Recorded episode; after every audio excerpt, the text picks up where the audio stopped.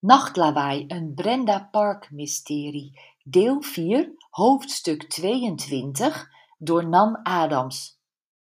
Samenvatting. Karen pakte een nieuwe fles wijn uit haar voorraadkast en kwam bij Brenda in de keuken staan. Hihihi, Karen, wat ben jij toch echt een projectmanager. Heerlijk.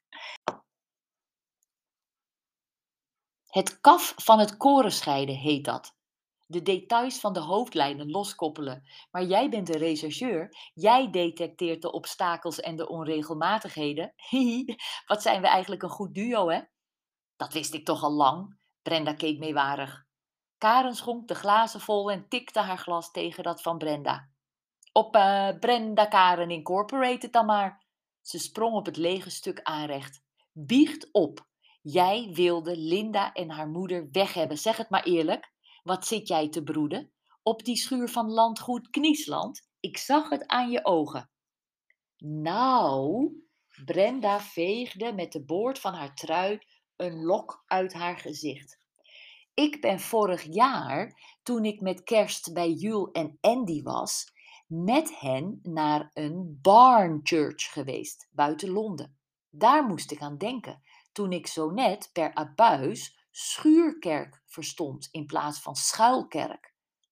Toen ik gisteravond nog even op mijn telefoon opzocht wat een schuilkerk is, omdat Bob het daarover had en ik daar nog nooit van had gehoord, kwam ik namelijk ook de term schuurkerk tegen. Dat waren, de naam zegt het al, verscholen kerken in schuren, zodat je als minderheid toch je geloof kon beleiden. Ja, en nu denk jij dat de drie kinderen misschien in de schuur zitten. Dan hadden wij en de politie vooral ze toch al lang gehoord. Heeft de politie in de schuur gekeken, denk je? Joh, ze zijn met speurhonden en allerlei technische apparaten de hele dag aan de gang geweest, vertelde Jackie.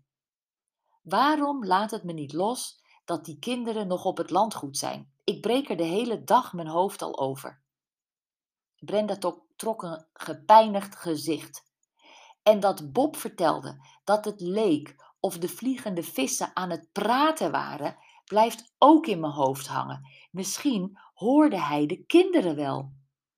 O Brenda, de politie zoekt ook in de slootjes, dat zag ik vandaag. Het is een enorme operatie.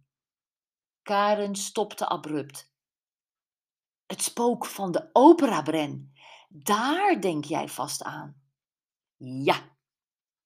Karen schoot zo hard overeind dat ze keihard haar hoofd aan een keukenkastje stootte. Auw! Ze wreef over haar kruin. Hoe kom jij daar nou bij? Ik wilde operatie zeggen, maar ineens zag ik die opera-musical voor me. The Phantom of the Opera, waar we ooit met je mama naartoe zijn geweest. God zij dank, Karen, je bent geniaal. Je slaat de spijker op zijn kop. De geheime kamer uit het spook van de opera. Dat is het. Ik denk dat er een geheime deur moet zijn. Of een put.